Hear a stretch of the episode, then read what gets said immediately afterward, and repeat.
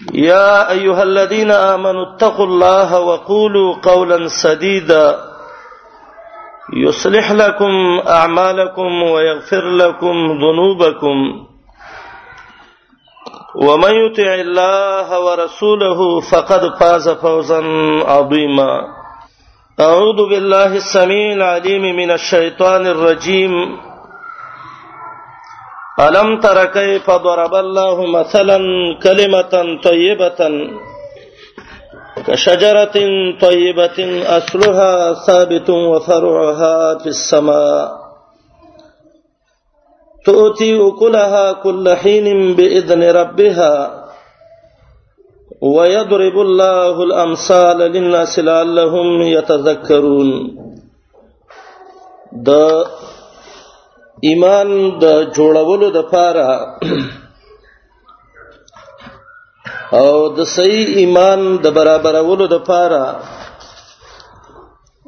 چې الله رب العالمین زمونږ د ټولو صحیح ایمانونه نصیب کړي او دا خپل ایمان منګه و پیژنو او د خپل ایمان هغه تول وینو چې دا په کم مقدار باندې دی نو زمونږ استاد سي د دې دینی مجالسو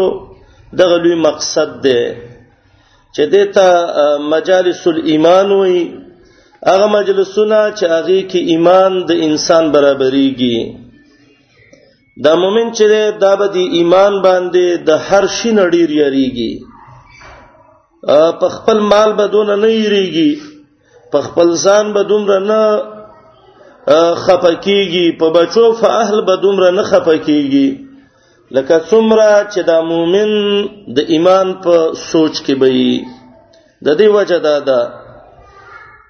د ایمان د ختمېدلو دشمنان ډیر قوي دي او ډیر زیات دي شیطان یو دشمن دی په یو مورچه باندې وناس دی د نفس خواهشات دای بل دشمنان دي اتباع الهوا چې وتوي ورسره زمورونو د د بدن کې خپل یو نفس دی چې هغه ته نفس اماره بسوي هغه نفس چې هغه انسان ته د ګناه طرف ته دعوت ورکوي بل طرف ته د دنیا خواهشات دي او بل طرف ته هغه خلک چې هغه د شیطان جماعتونه او ډلې دي چې هغه ته حزب الشیطان وي اعداء الرحمن وته وي د الله دشمنان نو هغه خلک هم په ډیر مهنت او په ډیر کوشش کې په دې باندې دي چې ایمان د انسان نه ختم کړي نو دیو جن مؤمن به د خپل ایمان ته بیدار اوسیږي د خپل ایمان ته به پډیر فکر باندې اوسیږي ما مخ کې ویلیو حذیفه ابن الیمان چې دا د الله د نبی د راز مرګره محمد علی السلام د ته منافقان خود لیو حذیفه د فلانه منافق دی فلانه دی فلانه دی فلانه دی صحابه دونه په دې ریدل به پسان باندې چې عمر ابن الخطاب راونی او ته ویل حذیفه انشدک برب الكعبه اے حذیفه د خانه کعبه پر عبد الله قسم در کوم چې تا ته خو محمد رسول الله د منافقانو کې نیمه یاد کړی دا راته وایا که زه چیرته منافق شوم ما نو چې زه د منافقت اصلاح کوم د سینې چې ایمان مې خراب نشي نو حذیفه ته وی عمر ته خډیر جلیل القدر سره والله کما ته محمد رسول الله یاد کړی د ابن ابي مليكه بخاري کې دغه روایت دی هغه ما ډیر زیات صحابه مندلیو چې هغه کبار او اصحاب رسول الله او د الله د نبی غټ غټ مرګري او صحابه او په دې خپل ایمان د دین ایریدل چې اسنه چې منافقت دی ایمان ته زمونږ داخل شي ابو بکر رضی الله عنه را روان شوی او حنزله را روان شوی لار کې جاړي یو بل ته وی حنزله ابو بکر ته وی دا نافقه حنزله زه خو منافق شوی ما او ته ویلی وای د الله د نبی خواته چې یو شان ایمان می یو شانی او چې بهر راوځم زما ایمان بل شانی ول به خو زم منافق ما یعنی ایمان باندې د خلکو سره دا فکر او دا یره پیدا کول د سینې چې ایمان می دغه نشي خراب نشي د دې وجنه امام بخاری کتاب الایمان کې باب تړي چې د پیتنو او د بيدینانو نه تیخته د ایمان مجالس او تمینل ایمان د ایمان اجزا دي مؤمن به په خپل ځان او په خپل ایمان داسې یریږي حدیث صحیح کې راغلی دی کثیر الحذر لکه هغه مرغه چې دانه راوچتای او چاپیره طرف ته وګوري د سینې چې څوک په لیندونه ولي په ټوپک مونه ولي نو ایمان ډېر لوی سرمایه ده او د ایمان دون ډېر زیات لوی فضیلت ده او دا ایمان یو دون لوی نعمت ده چې د الله نبی علی السلام د ایمان په باره کې وای چې یو سړی دی او هغه صرف گواهی د ایمان وکي مؤمن شي نو الله رب العالمین د جهنم ور په د باندې حرام کړی دی زمونږ د ایمان مثال قران او حدیث کې د دې یو ونسا الله رب العالمین یو مثال ورکړی دی یو باغ دی او پاغه کې یو سړی ډیر خسته زمیداره وکړه او یو بهترینه ونه وکړله او دا ونه چې دا الله ول ډیره خسته ترقی ورکړه نو د دې بوټي یو د لاندینه جرړې دي او د دې دا ویخ دی دا جدا خبره ده او دویم د دې بوټي هغه بره څنګه دي دغه شان د ایمانم دی د دې ایمان هغه بنیاد اصلي درې شي نه دي د الله سره محبت او د الله نه یره او د الله نه امید دغه اصول الایمان دي د ایمان هغه جرړې دي کم سره چې دغه د الله سره محبت نه کله ډیر منځونه کوي دا ته فائدہ نه ور کوي کم سړی چې د الله نه نه یریږي د ایمان د ته فائدہ نه ور کوي او کم سړی چې د الله نه امید نه نو د ایمان هم فائدہ نه ور کوي او محمد رسول الله علیه السلام ویلو چې د دې ایمان د ونه حدیث د ابو هريره رضی الله عنه کې راځي امام بهقي کتاب لیکل الجامع لشعب الايمان هغه کتاب چې پاږي کې د ایمان څنګه ذکر کړی دی نو ابو هريره رضی الله عنه وی وای محمد رسول الله عليه الصلاه والسلام ویلي الايمان بضع وسبعون شعبه ایمان څه د پاسه او یا څنګه دی دا بضع لپس د دریونه تر نه پورې دی ته بضع وای او بعضو روایتو کې 20 و 60 راغلي دي څه د پاسه شپې ته څنګه دی دا ایمان نو کدی څنګه باندې څوک ورغه نو د ایمان دا حصہ حاصل کړه نو کدی بلې باندې ورغه نو دا بلې حاصل کړه او کدی بلې باندې ورغه نو دا بلې حاصل کړه او زمیدار چې یو ونه کرلی هغه د میوي ونه یي نو زما ورونه هغه زمیدار د سینه کوي چې د دې خران دی او د دې څنګه د میوي را شکوم او دا بل نه را شکوم دا به د یو سیټ نه میوه را شکوي نو بیا به د بل نه را شکوي نو بیا د بل نه تر دې چې د ټوله ولې نه غمیوي څکی راجمه کی د قشان د ایمان د څنګه دي درې اویا یا پنځه اویا یا شپږ اویا یا واویا زمونږ ایمان به ال کمال ته رسیږي چې موږ د ایمان په دې ار شعبه کې موږ وچلیږو او الله رب العالمین دې زمونږ نصیب کړي او محمد رسول الله علیه السلام به ویلي اولنې شعبه اولنې څنګه د ایمان چې ده اغلا اله الا الله محمد رسول الله دا او په دې کې اخیرانه هغه کمزوري شعبه چې دا اماته الاذى عن الطريق د لارې نه یو ضروري شی لري کول ازغی لري کول ګندګي لري کول اول حیا او شعبه من الايمان د ایمان په دې څنګه کې د حیا یو لوی شعبه ده چا کې چې حیا کم سړی او کم زنانه کې نو دا د ایمان په دې شعبو کې شي چلیدل او که حیا کې نه نو د ایمان شعبو کې نشي چلیدل دا د حدیث مقصد دی چې ول حیا شعبه من الايمان اولنې په ټولو کې ډیره اوچته شعبه د ایمان چې ده چې د دینه موږ نن باس کوو ان شاء الله اغه لا اله الا الله محمد رسول الله دا کلمه ده شهادت الله اله الا الله د لا اله الا الله گواہی کوله دا یو د څه کلمه ده چې د ایمان اعلی څنګه ده د ککم خیل کړي دی ونی کې بازي داسي یو لارګې تلې چې هغه کې به دنن جدا جدا خران دی او څنګه جوړ شوی نو په ایمان کې لا اله الا الله محمد رسول الله د ډېر اوچت حیثیت لري څومره حیثیت لري که یو سړی منځونه کوي او یو سړی زکاتونه ور کوي او حجونه کوي او تلبیه وي او خیراتونه کوي او جمعهتونه جوړي خو چې عقیده د لا اله الا الله جوړه نه ده د ته هیڅ فائدہ نه ور کوي مشرکین مکه خانقاهه جوړوله او صحیح حدیث کې دي چې قسمونه کړیو چې دې کې به حرامي پیسې نه لګو مشرکان خدای قسم کړو بیت الله جوړو خو په دې کې به موږ حرامي پیسې نه لګو دارنګي حجونه کول ابو جهل د 50 تن ډیر حجونه کړیو حاجینو له خوراکونه ورکول الله قران کریم کې وایي اجعلتم سقایت الحاج و عمارت المسجد الحرام حاجینو له وبم ورکولې او دومره سخینو دومره سخاګانې دی کولې چې غزما استاد ذهن هغه ته متحیر کیږي دومره زړورو دومره ملمدوس خلکو چې کله اسلامی تاریخ سړی وګوري نو د انسان ذهن متحرانيږي خدات الله نه قبلې ولی د ایمان اغلوې شعبه چې لا اله الا الله محمد رسول الله دا کې نه و عبد الله ابن جدعان دی دا عربو کې ډیر زیات سخی سړی دی ابن کثیر البدایه کې لیکي او مسلم کې د یو حدیث سم راغلی دی عبد الله ابن جدعان هغه سړیو چې د تمام بیت الله حجینو له بده مل مستوبه ډوړی ورکوله اخیرانه کال حج چې کو نو د شام او د یمن نه لس زره یا اته زره وخان را بار کړیو چې پاغي کې غړیو پنیرونه کیو او پاغي کې کجوري وي او پاغي کې قسمه قسم خوراکونه او د بیت الله دروازې ته په خپل ابن جدعان ختل او وی ویل اے حجاج د بیت الله ټول د عبد الله ابن جدعان ملوانه وي خپل خوراک بنه کوي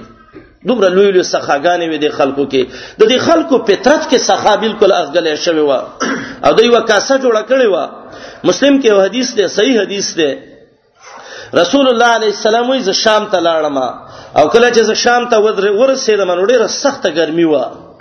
وای ما خلک ویل دا د سراج مشوي او د یو څپر لاندې ناسو وای چې دې ته ورنږدې شوم چې مې وکړه هغه د بره د وسپنې نه یو څیز جوړو وای ما د خلکو نه تاسو کې چې څه شی دا چترین جوړه کړې ده وای ما ته خلکو ویل هذه جبنه ابن جدعان دا د عبد الله ابن جدعان غا کاسه د زر کسانو باندې کې خوراک کوو رسول الله علیه السلام وی لقد استزلت قبل تحت جبنه ابن جدعان ما د دغه کاسی د عبد الله ابن جدعان دغه ویخت زکیناستم او ګرمي و او ما ځان دمه کالته دا صحیح د مسلم حدیث دی عائشه صدیقه د الله د نبی علی سلام نه دی وخت ته پوس کوي ايام په ذالک یا رسول الله اې دا الله نبی دا به دې ته فائدہ ورکي نو محمد رسول الله ته یا شی دا ته زره فائدہ نه ور کوي ولی ته نه ور کوي ما قال فی یوم من الايام رب اغفر لي یو رزم چیرته دا نه ویل چې الله ما وبخي یعنی عقیده د ایمان سنه او عقیده د توحید سوا خیراتونه کول ملما دوستی کوله لیکن ایمان پکې نه و د عربو مشهور سخی دی حاتم الطایی چې دا د عدی ابن حاتم رضی الله عنه دغه دی دا پلار دی دله چا یو ځل ته پوسو کا چې ستانه به د عربو کې څوک سخی نو هغه ویل چې دا ټول د عربو خلک زمانه سخین دي نو به یو واقعو ته بیان کړه وای زه یو ځل صحرا ته وتم چې لاړم ته ګورم یو الک دې چې لا ګیره نه دراغله ما شوم الک دې وای ماته ته پوښتنه کوي چې بچي دې چې څنګه اوسېږي وای ماته ویل چې په قوم کې من غریبانان شو پلار مړ شو زم نو نو یو زوم مور مې یو مسکینه خور مې د منګ دې زرا غلیو او د صحرا کې خپل یو څو غړي دي او خان دي دا ساتو وای ما ته ویل چې ملما ململ زه ور کوي چې د شپې تای صفاتی شي وای ویل چې دومره نیکبختی او سعادت دا زمون کمزې کی دا حاتم طاهی وی و چې ما خام شو نو دی الک مال د ګډ مازغه راوړه دا صحیح روایت ده وای ما ته ویل چې کاکا دې څه مزه کړې ده ته وګوره خواږه دي کنه دي وای ما ته ویل چې نعمه هو ډیر خسته خوراک دراوړ وای ما ته جوړېږه نور راوړم و چې لک سات ورکو د سې نیمه ګنټه چې وشو بلې نورې راوړو څه وخت شو نورې راوړو د ساره پورې ماته ودا ویل چې دا څنګه دی مال دا بل نه خدي بل اخره دار چې کله سباره وخته دی الک ټول شپه دا چلو که ماشوم دی پلار یو سنشته دی سړی پیجنینو د دې خلکو فطرت کې دا سخه اغګلې شوی و وای دغه دی دا وای ماته ته پوښتنه کوي چې بچي دا دونه مازغه ته بالا د کم ځای راوړو چې زه یو ته نوی نوی پلیټونه تر اړه کې وای ماته ویل چې راشه کاکا وسې ننداره وکسېلې وکا وای چې ورله ما دوا ویا ګډان د الال کړیو یعنی معشوم خود دې خلکو فطرت کې محدثین دی واقع دا واقع ذکر کوي ابن کثیر البدایه کې لیکل دا چې دا خلک فطرتن د دې سخاوت کې عبد الله د حاتم طایی ته چا ویل تاول څه بدل ورک وای مولا لګه غونته بدل ورک وای څه شی وای سلو خان می داغه عوض کې ورک خداغه غډیرو یو خو ماشوم او زغټوما دمه داغه خوراک کړي او عوض می ولدا ورک او هغه ماشوم او وړو کې او زی په جاندم او نو دونه ملما دوستی زما سره وکړه زما خبره مقصد دا ده د دې خلکو فطرت کې سخاګانی پرتی وي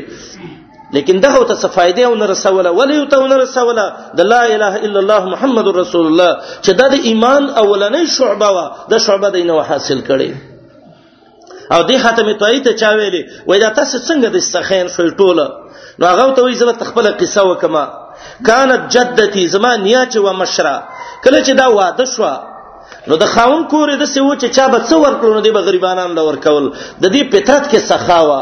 نو خلک راجم شو په او دای په یو کور کې بند کلو یو کال په خوراک بند کس لګ لګ سبه ورکول وته او مقصد دا چې د دې د خوې د دې سخاګانو د خیراتونو نه بدل شي او کله و چې یو کال بعد راويستا نو یو بټي ول د پیسو نه ډک کلال بدای کې ابن کثیر لیکلی دی او ته ویل چې دا واخلو جیب کې کېدا او مقصد دا په دې امتحان کو چې د خزې د خوې بدل شوی دی او کنه دی او زما د انیا ناستا وا او یو مسکینه خزراله او ته ویل چې زه مسکینه ما او غریب ما او مصیبتونو وهلې ما او مال د الله پر عذاب باندې سره کوي و هغه غجب تلاش کړو غ درې زره درهم ول ټول ورکړو وی ویل چې ما یو کال تکلیفونه لیدلې چې بل غریب خزوینم زما په زړه درد کوي یعنی د دې خلکو فطرت کې دونه سخاوه خو محمد رسول الله نه تپوس کیږي دې خلکو د دا خیراتونو فائدہ ورکي هغه وی نه ورکي ولی مؤمنان نو وقدمنا لهم الا ما عملوا من عمل فجعلناه هباء منصوره بالکل د عمل به الله وي زه برباد کم اگر کله جمعهتونه جوړ کړی دي خیراتونه ور کړی دي پیسې کې ور کړی دي خو د ایمان اولنې شعبه چې لا اله الا الله محمد رسول الله په دې باندې دینو مشرف شوی زما ورونو د چا سبا گاړی می جیدادونه به می کورونه به می بلډینګونه به می والله العظیم چې د لا اله الا الله محمد رسول الله دا سرمایه چې د چا سنې دا د جهان توانی دی او دا چې د چا سنې نو دا ډېر ګټمن سړی دی د اعمالو د قبلېدلو اولنې سبب دا دی د منځونو د قبلېدلو اولنې سبب دا دی د زکاتونو د قبلېدلو اولنې سبب دا دی د حجونو د قبلېدلو اولنې سبب دا دی ځکه محمد رسول الله عليه السلام وی افضلها لا اله الا الله د ایمان د شعبو د ایمان د څنګو کې بهترین او غوره شعبه د لا اله الا الله محمد رسول الله دا څونه غوره ده حدیث د ابو هريره رضی الله عنه کې راغلیو ابو هريره رضی الله عنه وی وی رسول الله علیه الصلاۃ والسلام ویلی امرت ان اقاتل الناس زه الله رب العالمین په تور باندې را لګلې ما او ما ته ویل چې دا تور به اخی پورې د لاس نه کوزي او دا کافر به وجنه حتا یقولوا لا اله الا الله تر دې چې د لا اله الا الله چې د ایمان اولنې شعبه ده په دې باندې ځان مشرف کی فاذا قالوها دا اوس فائدہ د دې شعبې د الله د نبی علی السلام خي کله چې د خلق لا اله الا الله ویلې او په دې باندې ایمان راوړ او په دې د توحید عقیده وساتله عصموا مني دماءهم واموالهم وحسابهم على الله د دې ویني ته عصمت ثابت شدا به څوک وجل نه شي د د په مال باندې به څوک حمله نشي کوله او باقی حساب د دې په الله باندې دی زمورونو لا اله الا الله دومره لوی شعبه ده د ایمان کم سړی چې کلمه ویلې شریعت دا نه دی ویلې چې دا به تبه وجنی شریعت دا نه دی ویلې چې تبه د مال لوټ کې شریعت دا نه دی ویلې چې تبه دا سړی به تخته او شریعت دا نه دی ویلې چې مونږ کې مؤمن ده ته ټوپک نیسی او دز او دز او دز زی ولمنه او حقوق د اسلام باندې به څه چلیږي که دا کلمه په منافقت ویلې و سړی منافقو دا کلمه د ریا او د سمعت د پاره ویلې و او دا کلمې ویلې و خدلته نور خلق وجلیو او دا کلمې ویلې و خود دې کلمې صد واده والا وو زنای کوله او دا کلمې مو ویلو به مرتد شلو شریعت به ویلې دي چې دا څه کوي مړ کوي نور چې چا لا اله الا الله ویلې دي محمد رسول الله دا کلمې ویلې ده ابو هريره رضی الله عنه وی محمد رسول الله علیه وسلم ویل دي امرت ان اقاتل الناس ما ته د الله د طرفه حکم شوه دی او د الله حکم کې محمد رسول الله تغییر نشي راوسته حکم دار چې تبه د خلق وجنه حتا یقول تر دې چې وای او باز روایت کې یشهد چې دا گواہی وکي الله اله الا الله فاذا قالوها کله چې کلمه ویلې د ایمان په دې شعبې مشرب شو نو فائدې دار چې عصمو من دماهم و اموالهم د دې وینو ته د دې سرونو ته د دې مالونو ته به څه شي دي عصمت او بچواله ثابت دي نو زمورونو دا دونه بهترینه لوی شعبه ده چې د انسان سر ته په دې باندې امن ملاويږي د انسان مال ته په دې باندې امن ملاويږي دویم حدیث ابو هريره رضی الله عنه ویلو و یو ځل موږ نبی عليه السلام رکش او محمد رسول الله چې ورک شو د صحابه او انتهایی مینه د الله د نبی علی السلام سوا چا ول دا بچا وجلی زبیر ابن العوام رضی الله عنه تر راستل او روان ومنډي والي چا ول څه کې وای استحرز اهل مکه د دې ټوله مکه والا سنن ز جنگ کوم زون پیغمبر یې وجلې دي دون محبت وسه ابو هريره جلانو دا د بنی نجار یو باغ ته نه وته مې یو معمولی سورې چې پاږي کې به وبن نه وته وای دا سر مې خکته کو خپې مې شاته وګدې کړې او غدې کې مې زور کړې وسته ورننه وته ما دننه نو کله چې دننه ورننه وته ما چې ما وخت محمد رسول الله التو صلی الله علیه وسلم صادر مې متخور ک عزت مې ملو ک دعا یې راته وکړه ما ته ویلې ابو هريره زما د چپلې د ځان سره نشان واخله چې زنه باروز یو څوک ته څونه وای او زبر چې د هر چا سمیلاو شوی او هغه دا گواہی کړي و چې لا اله الا الله محمد رسول الله فابشره بالجنه د جنت زیره ولورکه دا واقعیا چې ابو هريره سره نو یې چې راوته ما وې اولنې دې کې زه د عمر رضی الله عنه سم خاموش شوم ما چې عمر کلمه وې او کلمه چې چا وې هغه جنتی دی عمر خډیر خیر سره نو عمر رضی الله عنه دغه ته وای دی ابو هريره ته ابو هريره دی خبره ته لک صبر وکا ستاو د رسول الله خبره په حق ده په یو بنا چې څوک د توحید په عقیده مرشنو سره جنتی دی خو ګره وس به خلک اعمال نه کوي نو ابو هريره رضی الله عنه وی زبه وېما عمر رضی الله عنه ته صبر وکا خلق به د اعمالو نه متنفره کی د الله د نبی سره مشوره کې کوو ابو هريره رضی الله عنه وی ما ویل چې زه وېما بهم کشرو نو عمر رضی الله عنه وی راته غصه شو نو بده سینه کې یو گزار والم په خررت علی استیست د یو څو سر کونډې می واړولې وې په جړار عالم نبی رسول الله ته ویل چې ما د زیره ورک او عمر رضی الله عنه د سیوالما د عمر رضی الله عنه خبره په خپل ځای حق وا چې ابو هريره ته خبره د رسول الله مقصد دا دی چې چا لا اله الا الله ویلی او په دې عمل کړي دا کله لا اله الا الله شرطونه دي ابو هريره خلق جديد او احدین دي نوې پیدا به تیوالي نو حدیث کې زمورونو لوی فائدہ یو دا ده چې لا اله الا الله چا ویلی عمل په وکړه الله رب العالمین دا سړی جنت ته د دې په وجه دغه کوي نو د دې شعبې دا دویمه پیدا ده دریمه فائدہ یو حدیث کې راځي من مات یشهد الله اله الا الله وان محمدا عبد الله ورسوله صادقا من قلبه دخل الجنه محمد رسول الله علیه الصلاۃ والسلام وی من ما ته څوک چې مړ شو وهو یشهد د گواہی کو چې الله اله الا الله حقدار د بندګۍ د عبادت لایق د الله نه ما سوا بل څوک نشته دی وان محمدن عبد الله ورسوله او محمد رسول الله د الله بنده دی او د الله رسول دی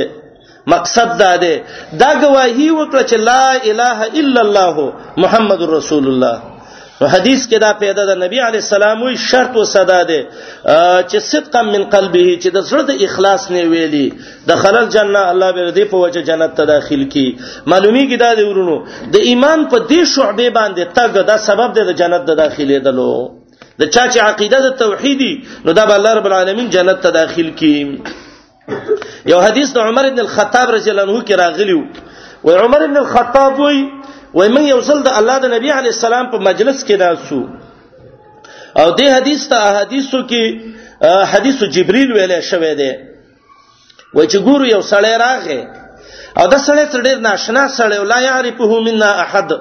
من کی چا نه پیژاند او حسن الثياب او شدید بیاض ثياب مختلف روایتونه دي خیرسته سپینې مزیدار کپڑے یې چلی وي ولا یرا علیه اثر السفر من په د سفر اثرات نه پیژاندل چې دا سړی مسافرم نه دی د سفر علامیم په نشتا سړی راغی د الله د نبی علی السلام ته مخامخ کېناست ادب یې وکړ به ادب نه و فاسند ركبتيه الى ركبتي رسول الله عليه السلام دا زنګنانی د محمد رسول الله زنګنانو تل سم خامخ کې خدل او نبی علیہ السلام نه تپوس وک یو تپوس اتدا وک مل ایمان یا رسول الله اې دا الله نبی د چا ایمان معتبر دی ایمان څه شه دی نو محمد رسول الله علیه السلام متوي ان تؤمن بالله وملائکته والجنه والنار والبعث بعد الموت ایمان دې ته وای چې ته الله ومني ملائکه ومني کتابونه ومني جنت ومني جهنم ومني او دا ومني چې دا خلق به مړ کیږي او الله رب العالمین به بیره پورته کوي والقدر كله او د ټوله اندازې یو تقدیر ومني وګد حدیث ده د حدیث کې لویه فائدہ ده دا ګوري د ایمان اولنې شعبه د حدیث کې دا چې ان تؤمن بالله ایمان به په الله راوړي ایمان په الله څه دی لا اله الا الله محمد رسول الله صحابه وی وی به سړی پاتې دو و درې ورځې بعد ماته محمد رسول الله ویل عمر ابن الخطاب وی اتدری یا عمر من السائل ای عمر ته ته پته و دا سوال کوونکی څوک دا ته پوښتنه چې کول وای ما چې الله ورسوله اعلم الله رسول ته ډیره خپته ده وای ما ته ویل ذاک جبريل اتاکم يعلمکم دینکم دا جبريل استاد خو ته راغله او تاسو ته دین خو دا زمورونو ایمان کې اولنې چیز اولنې شعبه هغه شعبه د ایمان بالله ده حدیث د عبد الله بن عمر رضی الله عنه کې راغلی نبی علی السلام وی بنی الاسلام علی خمسنا د اسلام مثال د یو کور دی چې هغه په 15 ستنو باندې اوچت شوی او د پاسه به پاغي باندې چت هغه اسلامی قانون دی اولنې پاغي پنځو کې شهادت الله اله الا الله د لا اله الا الله گواہی کول او دویم پاغي کې اقامه الصلاه منځ کول او دریم پاغي کې ایتا زکات زکات ور کول او پاغي کې حج بیت الله چې چا وسی کی او پاغي کې د رمضان روزه نیول دي نو د ایمان چې اوچت شوی دی نو دا پنځه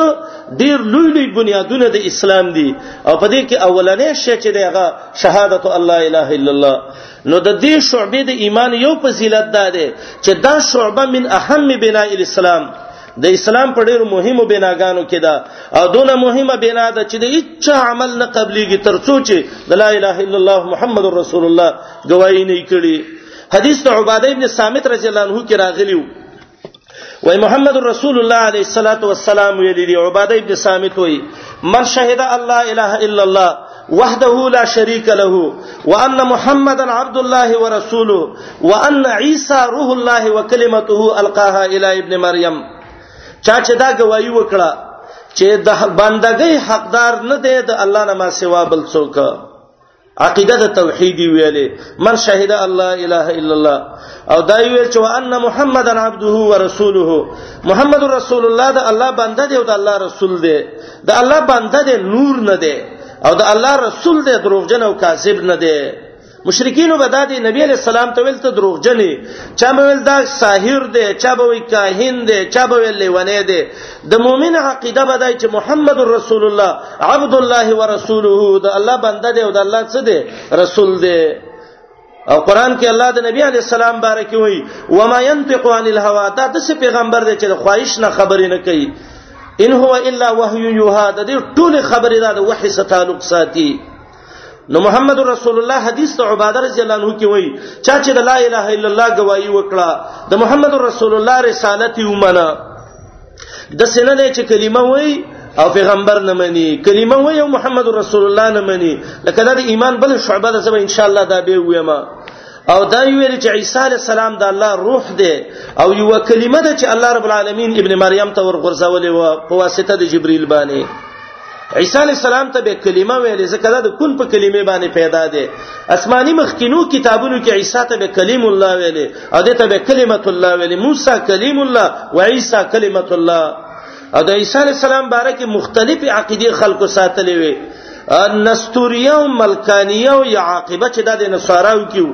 چا به ویل عیسی علی السلام دا درې الہ دی الله دی او مریم دا او عیسی علی السلام دی الله په سخرت کوي لقد كفر الذين قالوا ان الله ثالث ثلاثه هغه خلک سوچ کافر دي چې د عیسی علی السلام باره کې دا عقیده ساتي چې دا دریم الہ دی او باز ظالمانو به د سی ویل چې دا عیسی علی السلام ابن زنیتین د زناکار خزی بچی دی مریم زنا کړې دا داتې پیدا شوې ده پیدا شوې ده او بعضی کبدا عقیده ساتله چې غته حلولیه ویلې الله هر وخت کې یو چا په شکل کې راځي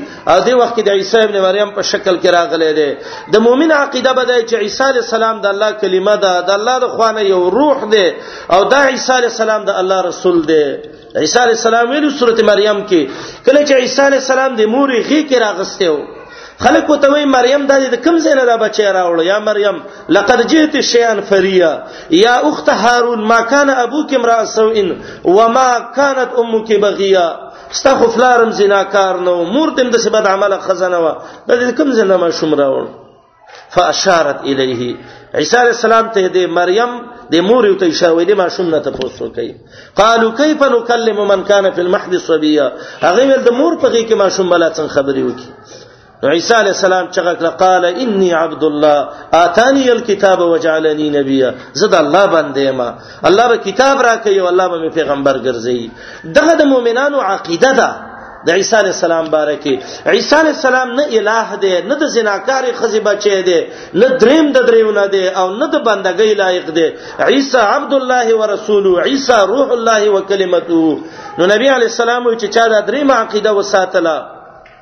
او دا عقیده وساتله چې جنت حق دی دا عقیده وساتله چې د کافر ول الله یو ور تیار کړی دی والله به پیسیږي محمد رسول الله علیه السلام وی چې د لا اله الا الله عقیده چا وساتله د محمد رسول الله عقیده وساتله د عیسی د عبدیت عقیده وساتله د جنت د حقانیت او د جهنم عقیده وساتله چې دا الله د عذاب د پاره ګرځولې ده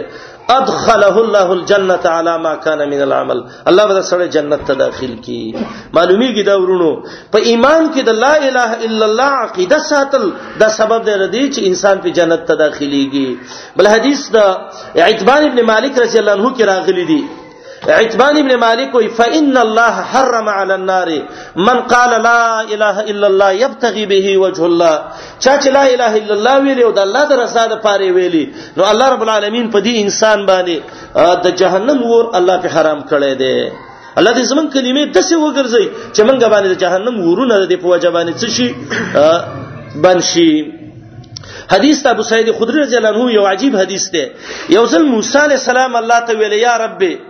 علمني کلمه اذكرك بها یا الله یو دسی کلمه راته وخه چې الله ډیره یادوم او تا په یادوم رب العالمین وته وی اے موسی لا اله الا الله دا کلمه ډیره وی وا ایمان کې مضبوطه څنګه ده نو پیغمبرانو ته الله د دې وصیت کوي نو موسی علی السلام وی الله دا کلمه ټول خلق وی دا صحیح حدیث ده نو الله رب العالمین وته وی اے موسی د دې کلمې دون لوی قوت دی دون لوی قوت کدا وز مکه واسمانونه د تل په یو طرف کې واچي او دا په بل طرف ته واچي لسقلت علیهن دا په دې باندې څه شي دران شي یو حدیث کې راځي کله چې الله رب العالمین تل د میزان ودره ول قیامت کې او دا شکل یو لا برابر ک ډیره غټه تله ودونه و چې د اسمانونو او د زمکو نه ډیره غټه و یو یو طرفه ملائک رال وته ویل یا رب العالمین دی باندې ورڅ شي تلی نو الله رب العالمین وته وی زب په دې باندې حسنات او سیئات د خپل بندگانو تلما نو ملائک hebat ونی ولا او چغه وکړه سبحانك ربنا ما عبدناك حق عبادتك یا الله ته زمنګ ربي الله من ستا صحیح بندگی نه د کړې ګورې ورونو دغه طلب ډک شي او د دې په عوض کې دا عقیده لا اله الا الله محمد رسول الله چې په دې یو طرف کې ورواچي نو الله به پیدا درانه کی نو د سیو عجیبه کلمه ده چې الله رب العالمین په دې باندې میزان تل د انسان درنې حدیث ته به تحقیق راځي هغه وګد حدیث ته نبی علیه الصلاۃ والسلام وی یو سړی به قیامت کې راوستي شي الله بوله د ګناهونو رجستري کې دي لس کم سل رجستري وي او بعض روایت کې 99 سجلا یو کم سل وي او هر یو بدونه وګدي مد بصری چې د نظر څونه وګد دی او به به الله رب العالمین وې د بنده څخه حسنات وګوري وته وې به دا ګناونه دي کړی دی وې به او نو الله به ته په تاسو سلام نشتا نو یو وړو کې کاغذ چې پاغه به لا اله الا الله محمد رسول الله لیکلی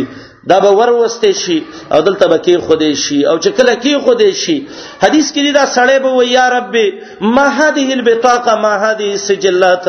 یا الله چیرته دا رجستر یو چیرته دا وړو کې چټ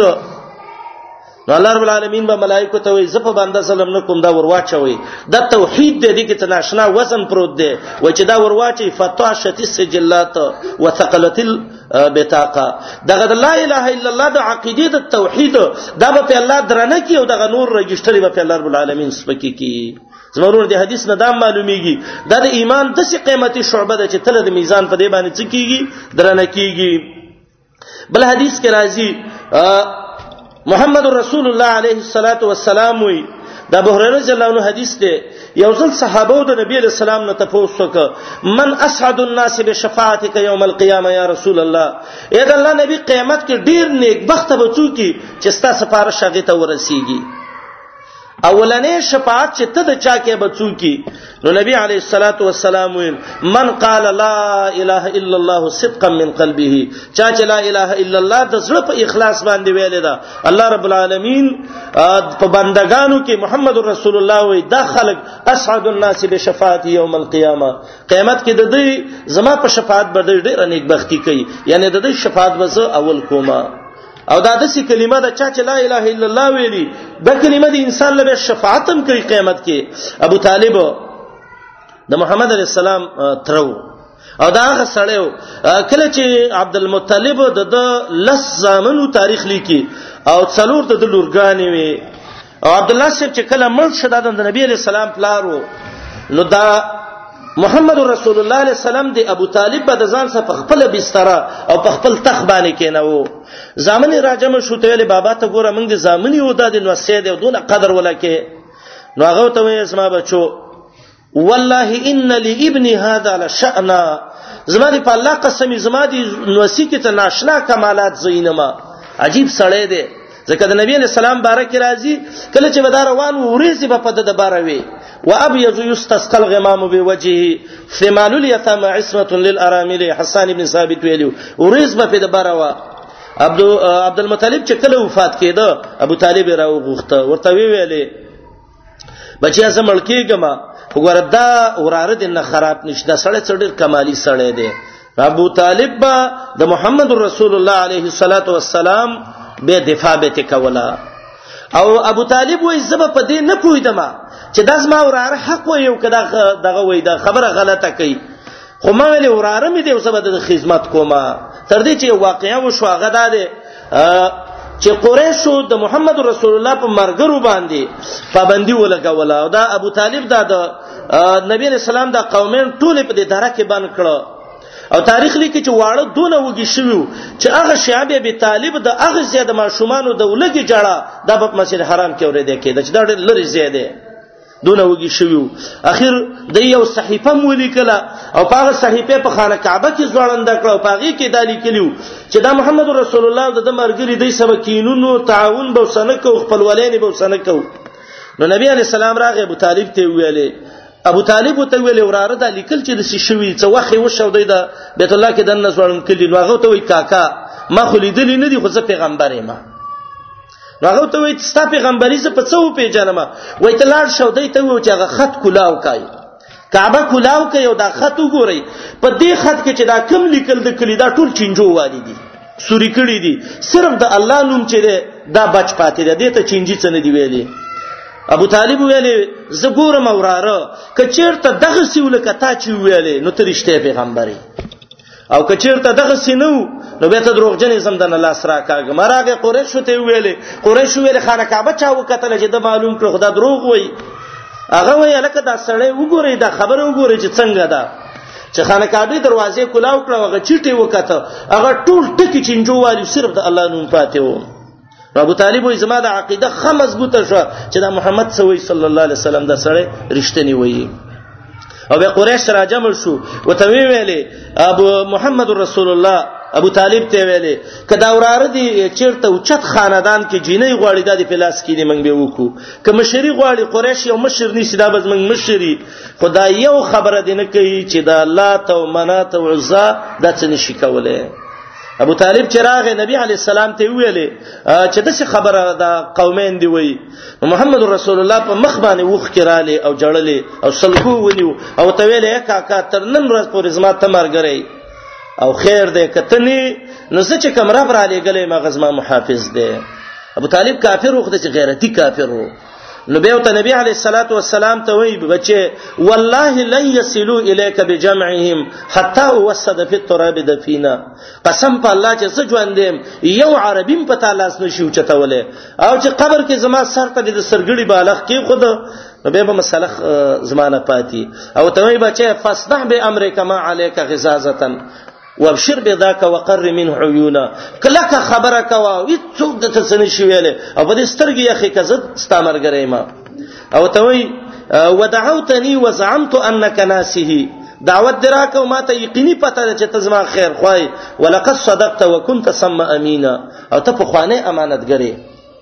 او هم دغه وجه زما ورونو کله چې ابو طالب مړ شو لسم کالو د الله د نبی نبوت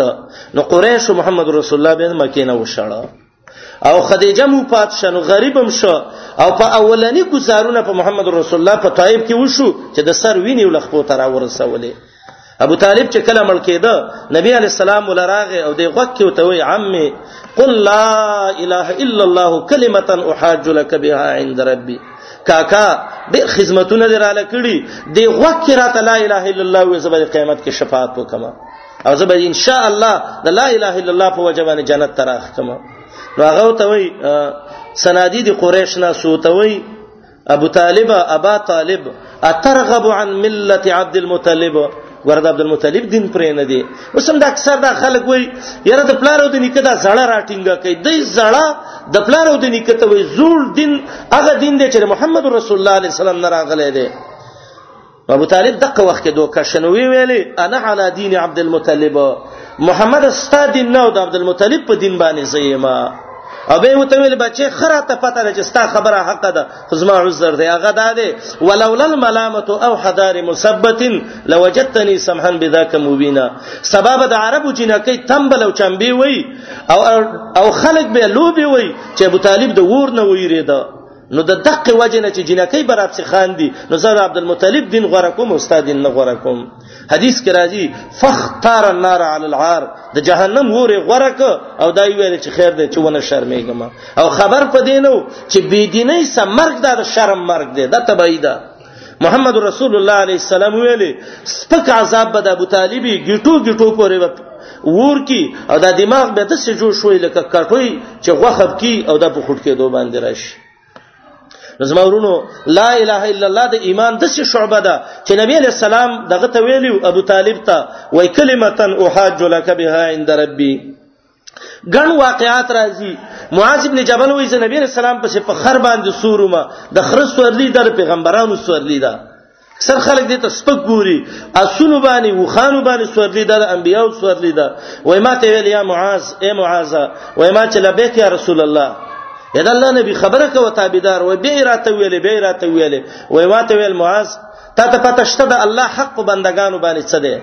وای ما چې الله رسول ته پته ده او د بنده حق په الله څه دی نو معاذ وی ما ته نبی علی السلام ویل د الله حق په بندگانو دار چې د الله توحید ومني او د الله سره شریک ونه مني پیدا نه کی ځکه لا اله الا الله کې نفي د شرک ده او الا الله کې اثبات د توحید ده او د بنده حق په الله دار چې څوک مړ شوی او موحد د دنیا نه تلی نو چې الله ول عذاب ورنکي زمورونو لا اله الا الله دا د ایمان دون معظمه شعبه ده کله دې دا فضایل سره بیانې د احادیث نه را جمع کړي نو ډیر وخت به تیر شي عبد الله بن عباس رضی الله عنه دا دون لوی شعبه ده چې پن قران كله فی التوحید دا قران دا ول را ول اخیره پورې دا ټول د لا اله الا الله بس کوي واقعا دم دې ته راځي کوي مثال دې دې ته راځي کوي تخویب دې او بشارت دې ټول دې ته دغه کیږي او د انبیانو په هرڅ چې الله ذکر کړی سورت اعراف نه شروع کړي نوح علی السلام یا قوم اعبدوا الله عبادت څه ته وي وحد الله د الله واجب بندگی هود علی السلام یا قوم اعبدوا الله صالح علی السلام یا قوم اعبدوا الله شعیب علی السلام یا قوم اعبدوا الله سورت انبیاء کې اجماعی د ټولو پیغمبرانو دغه دی دا چې الله وی اے محمد رسول الله ستانه مخکې چې ټول پیغمبران مالي ګلی ټولو ته د لا اله الا الله د دې کلمې دعوت ورکړیو او دای د دا الله بندگانو ته دا ویلیو رسول الله علیه الصلاۃ والسلام ایمان څخه د پاسه او یې شعبې ده ټولو کې اعلی شعبه چې لا اله الا الله ده لا اله الا الله کې یو څو فرضونه دي دا پیژندل غوړي دا ډیر ضروری دي اولنې فرض په لا اله الا الله کې دا ده چې ته به د دې باندې تکلم کې خله به په خوځې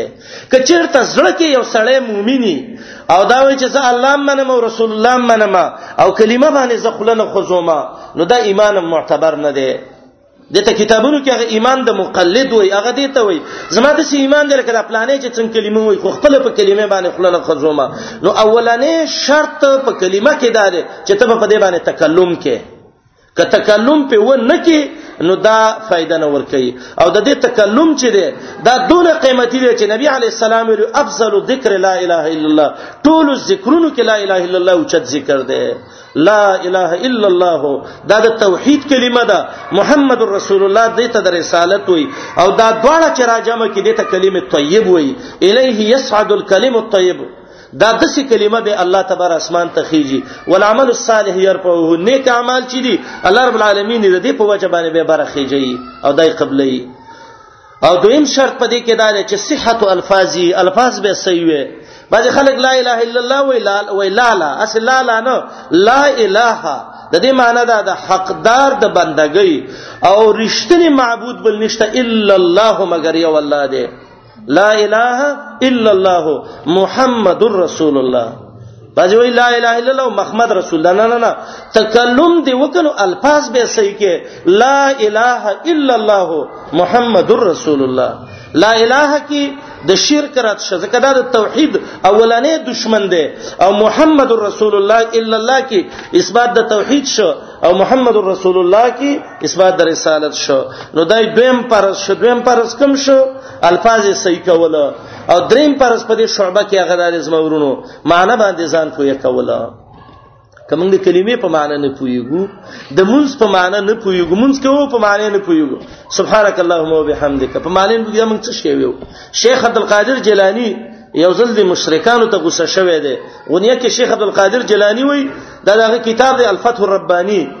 و یا فقیر الخلق و مشرک الخلق یا مشرک ته په ټول مخلوق کې ډېر رزیل او بیکاره تقول فی صلاتک ایاک نعبد مونږ کې خو چې الله ستا بندگی کوم و فی قلبک کم اله غیر الله چې خپل خو شی باروي یا پیر بابا را ورسیږي یا لوی ځوان را ورسیږي یا کاکا سه برا ورسیږي یا د نوخار مېلی سه برا ورسیږي تقول فی صلاتک ایاک نعبد وفي قلبک کم اله غیر الله نو بل مسله لوی دا د زمورونو د کلمې په معنی باندې ځان پوهه کول د لا اله الا الله معنی دا ده ای الله ستانه ما سوا بل اله نشته چې زی بندگی وکم الله چې ستا بندگی وکم د چا به بندگی وکم الله تو واحد لا شریک په عبادت کې او د محمد رسول الله معنی دا ده محمد رسول الله ته د الله پیغمبر او د الله بنده واحد لا شریکی په اطاعت کې د الله سره عبادت کې شریک نشته او د محمد رسول الله سره په اطاعت کې شریک نشته یو پیر یو مولا یو مشر یو کشر یو بادشاه یو گورنر یو غریب او یو غدا دا به د الله د نبی سره برابر دی چې دا خبره خدای الله د رسول هم ده بلانه کاکا د سی وی دا خبره د الله پیغمبر د سی کړی ده خو بلانه جی سیب خپه کیږي بیبي خپه کیږي کاکا خپه کیږي تر خپه کیږي نه نه نه نه الله خوشاله کده مخلوق ډیر دی ډیر برچاغه نکم نشي خوشاله ولې او الله یو دې کله ته وجاړه کله ته بسګیده پرې وځه د الله خوشاله ول ډیر ضروری دی ابوبکر جنو ځن کدن کې ویلي فیالیت بیني وبین الله عامرو ارمان دې چې د الله راته وې چې زنه خوشاله ام راځه و بیني و بین الناس خرابو دا ټول خلک د ابوبکر د خپي خپه دي خو چې الله خوشاله وي موږ تاسو به دا سوچ ډیر کوو زمونږ موږ تاسو چې کورونو کې ودونه راشي چیرته تاسو ګوري بډای په بیل سترګې سره کوي چې یاره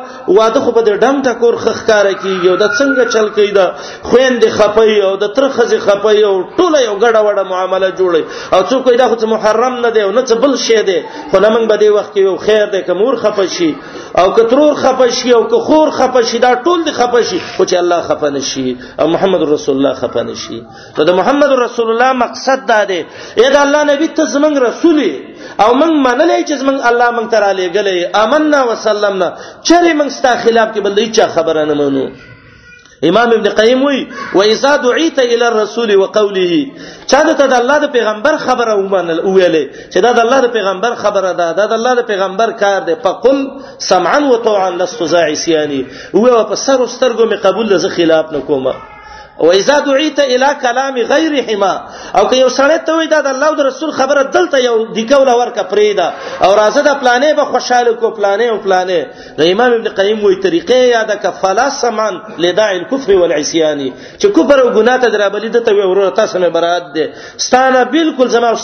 تعلق نه کیږي ځکه ما کلمه کې الله سواده کړی چې الله تابه واحد لا شریک په عبادت کې غنم او محمد رسول الله تابع واحد لا شریک په څه کې غنم اطاعت کې نو الله رب العالمین دې منګه د خلک جوړ کی چې د الله سره شریک پیدا نکو او د محمد رسول الله سره اطاعت کې بل امام بل مولا بل خلک په دې دوکه شوی دي حدیث ته صحیح او پلان امام د سی ویلي دی او پلان دي سی ویلي هغه امام خو تا ته چغي وای چې صحیح حدیث دې پیدا کز ما خبره به ماقله حدیث واخله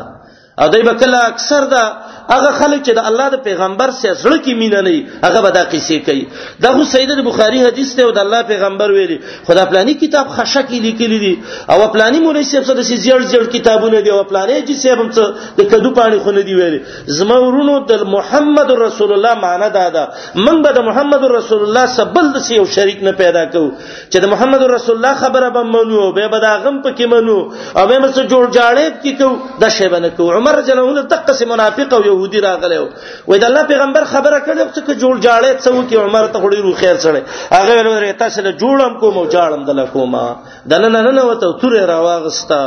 او هغه مؤمن چې ځان ته وي منافق اغله دا څټو او سره تل توارته وی ویلی اقزان بعد قضاء رسول الله د الله د نبی د فیصلې نه روسته چې څوک جوړ غواړي د قصې جاړ به کی او د قصې بمړ کیږي د محمد رسول الله معنی دا ده چې موږ د الله د نبی صاحب په اطاعت کې بل شریک نه ګرځو دا څو پرایز شو د کلمې درې او سلورم دار متيقنا بها په دې کلمه به یقین کې د سینې نه چې بس په شک کې روانه و من الناس من يعبد الله على حرف بعض خلک د په شک عبادت کوي نه لازم عبادت په شک نه دی دا په یقین باندې دی او دا زمونږ یقین دی چې زمونږ بل الله نشته دی او دا زمونږ یقین دی چې زمونږ اخیری پیغمبر محمد رسول الله علیه الصلاۃ والسلام او څلورمه پاغي کې دا دا پنځم چې د دې کلمې باندې به عمل کې د کلمې باندې به څه شي کې عمل به پکې د څه باندې کې چې بت ته سر کته کړی او د یو بنده عبادت ته کې او د یو قبر عبادت ته کې او د یو ولی عبادت ته کې او د یو بزرګ عبادت ته کې فرعون بارک راضي دا ول د غټو بندگی وکوله بیرغې نه رسته د پیسه د چيري بندگی شروع کړه او دا غي ورسته به حضور سنده پیدا کړه بندگی شروع کړه او دا غي نه بعد د څه وخت په د باندې راغې چې چیرته یو خپل کانه به ویل دغه ته به سرخ کته کو الله ته ير شوو مونږ الحمدلله الله اسماني وحي را ولېګل محمد رسول الله را ولېګ الله مو پیجان ده نو بل پاغه کې دا دا چې د دې کلمې باندې عمل کول دا ضروری دي په خله محمد رسول الله علیه السلام وي او د الله د نبی طریقې حکمونه ورانه او ځان ته دا وې چې الله منم او رسول الله منم خو کزما د چا سره معاملې راشي یو سړی راته وې دا الله حکم دی او دا رسول الله حکم دی او زه هم زدل ته به تیر شو لاړ شم زه به تحصیل کې لګ معلومات وکم که وکیل سره راته څلار و خودله نو بین الله پیژني او رسول الله پیژني او که چیرته دی د الله او رسول خبره کې ګټي نو الله ویاتو الیه مزعنین به خپ منډه تابعداري کې رواني د زمرونو کلمه باندې عمل نه دی د څو دغه شو د پرایز شو او شپږم دار چې دی کلمه کې الولا والبرا د دوه خبرې دي لا اله الا الله د الله د دشمنانو نه براءت د الله چې څوک مخالفي ولو که زمنګ پلار دی او که زمنګ نیکه دی خو موږ به داغه خبره نه منو ولو که د خلک بندگی کوي نه به منو دته برا برا ویل کیږي او دې به یو نمونه سره پویم چې زموږ استاد ایمان ته خطا شي مصعب بن عمر ده د ورور ابو عمر ابن عزیز ابو عزیز ابن عمر او دا چې وو د جنگ بدر کې انصاری صحابي راټلې وو دا مریو له تاو کړي وو په پړی باندې تړه او چې وی قتل دا ورور راغې نو دا ورور مصعب بن عمر مؤمن او دا ابو عزیز بن عمر دا کافر وو نو دا دی ورور دا خیر شو چې زما ورور راغې اوس به مخلاص کی او دا انصاری لم حیا ورلوي دا ورور دی مار ارتل سینې سره ته ونوي نو کله چې دا مصعب بن عمر وتراغ الله دې د ایمان زمونږ استاد نصیب کړي به به موږ د ایمان په خوان باندې پوه شو الله نو هغه انصاری ته وې انصاری شد یدیک علیه لاس په خدا ګوند په ولګو دا لاس ولا خکلا کا فإن امه ذات متاعنا مور خمالدار خزه د پیډیا بل در کیو تب په خمالدار کی نو هغه ورور ته د आवाज وکړ د لاندې نه پروتو وای احازه وساتو کبي یا اخي ته زما د ابي بچي ستاده وصیت د زما بارګي چې سړی ته وای چې په سینه ول ډونګي ولګه ولا سول خکلا کا مور مالدار ده یا الله د دې صحابه د ایمان ته والله سړی حیران شي مصعب بن عمر وته وی ان هذا اخي دونک زما دا ورور دی چې زما الله او زما رسول مني او ته خو زما دشمن تاسو زما څو ورور ولیدا صرف دونه دی یو مور نه پیدا او نه پیدا امور من بی دینه او تم بی دینه زما د مؤمن رور دی ښا الله دې مونږ کې دسی ایمان پیدا کړي ته البراوی دی کی ابو بکر رضی الله عنه زوی وته ویلو عبدالرحمن ابن ابي بکر وای ما بدر کې ویل دی یو ځل مې دا پلار مې واجن وای ویل چې بډا سړی دی ګرځي با ابو بکر وته وای تعالی من سړی انشد برب الكعبه زما د خانه کعبه پر قسمی عبد الرحمن د ابو بکر بچی کمالی دلې وي والله ما برت سیفی الا فیکا زما تربه په یو کافر بدن کې نه یخیدل ما سیوا ستاده بدن نه ته ما ټوټه ټوټه کړي نه وې زبستا صحیح پلار نه وې ځکه ته زما د الله زما د پیغمبر دښمنۍ ته ودرې دي عاص چې و د ابو عمر رضی الله عنه ماما او چې کله بدر کې ولراغه خبس عمر راتاو شو دا سغی تی وولته ته ورته او الله وی چې خپلوان ول مړکې او زما کافر ماما چې د محمد رسول الله خلاف کې ودرې والله دقه سی به حالي ابو سفیان چې راغه کله د الله د نبی سخرو د ام حبیبه پلارو او د محمد رسول الله بستر خوروا ام حبیبه رااله وغه بستر او کټه ته واړو پلار راغلی او ابو سفیان د مکی مشرانو کې د څه سړیو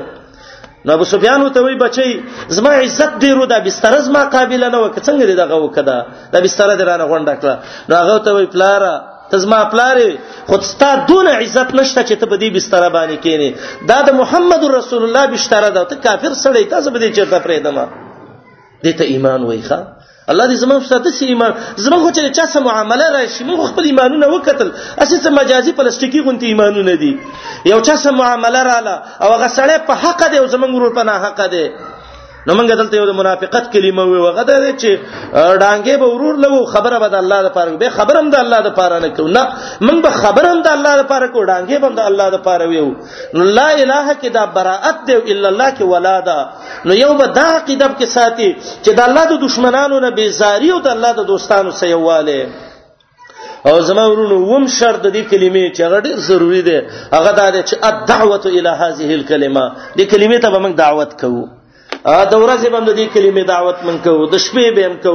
مالدار سړی له مرزو غریب له مرزو سوال به متکو ابو جهل بارک راضی او زلی وی ویلې ډیر سخت باران وریدا او د سګرد غبار او یو زل شروع وی ویلې کنن ار سړی راغی مانه ته سوال وکړه به ولا غوار کما بچی وی اکرمه ابن ابي جهل وی ور وټکیدا و چې ور وټکیدا داسې باران دی زل دی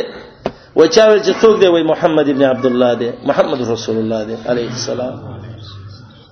نو تاسو ته وک څنګه راغلی وای وته ویل چې زه راغلی دی ما چې ادعوک بدعایت الاسلام اسلام ته درا بلم راځه مسلمان شخه من څه چې کله دا فکر پیدا شکنه د چا سکینو به چې موږ دینی مذاکره کوو د چا خاله ورزو دینی خبره کوو د یو چا سکینو دینی دعوت ولا ورکو من کې کم کمې څوک راته خې چې دا کار د کې غلط دی باید چې موږ د ځان اصلاح وکړو انفسکم واهلیکم نارا نو بل خبره پاږي کې لوی ضروری ده چې موږ به د ایمان دعوت خلکو ته ورکو کو به د خیر ادا کنه ان شاء الله چې بل ځل بل شعبې ته کینو چې ارسل ځان سه یو یو مرګری له دعوت ورکړي او غیب به نور له ورکړي غیب به نور له ورکړي اسلام کې دسه قانون دی که د ښه کار بنیاد دی کې خود نو چې څونه په دې باندې خلک عمل کوي نو پاږي ستا اجر دی او که د بد کار بنیاد دی کې خود څونه خلک پاږي باندې ور رواني نو به داغي کې بستا بیم حصہ نو موږ به دعوت ورکو لا اله الا الله ته ګوره محمد رسول الله علیه السلام په خپل ولاړو د دعوت مقام کې عکاس کې ولاړو ظلمجاز کې ولاړو دمت قدمه او عرقوبه منیب وی وای د لا اله الا الله دعوت لګول او د سر ویني د خپل پوند ته ورسېدلې ښه چا په ګټو یشته چا په توکانې ورتلې او چا په خاورې ورتلې صفا په ډېرې ولاړ دي اواز کوي خلک کلمت تخیم چې ټول عرب په سرداران شي او عجم بم تابعدار شي ابو لهب رزل وته وی لسرته وخیوه وی لا اله الا الله وی وی ګټه راوغسته گزارې په وک سره لونی ک وی تبن لك سائر اليوم تبا شدی لدی من را جمع کړو سریه به لګل چې دعوتونه وکي خطونه به لګل دا لوی لوی خطونه روم ته خط لېګل او فارس ته لېګل او مقوقس ته لېګل د دعوتی آیاتونه کیو یا اهل الكتاب تعالوا الى كلمه سواء بيننا وبينكم الله نعبد الا الله زمرونو دا د ایمان اولنۍ شعبه ده چې غا افضلها لا اله الا الله او د سورته ابراهیم د آیات چې ما لوستلو د کې الله د یو مثال ذکر کړی د لا اله الا الله مثال دا غوونه دی چې هغه پاکه ونه ار وخی میوي ملاویږي د توحید پیدا ار وخت د قبر کې دا حشر کې دا دنیا کې دا او بنیاد زمکه کې او څنګه بر اسمان کې نو د ایمان پنځاوي یا څه پاسه شعبې دي اولنې شعبه پدې کې لا اله الا الله لا اله الا الله دا معنا الله به واحد لا شریک ګڼو د الله سره شریک نه پیدا کوو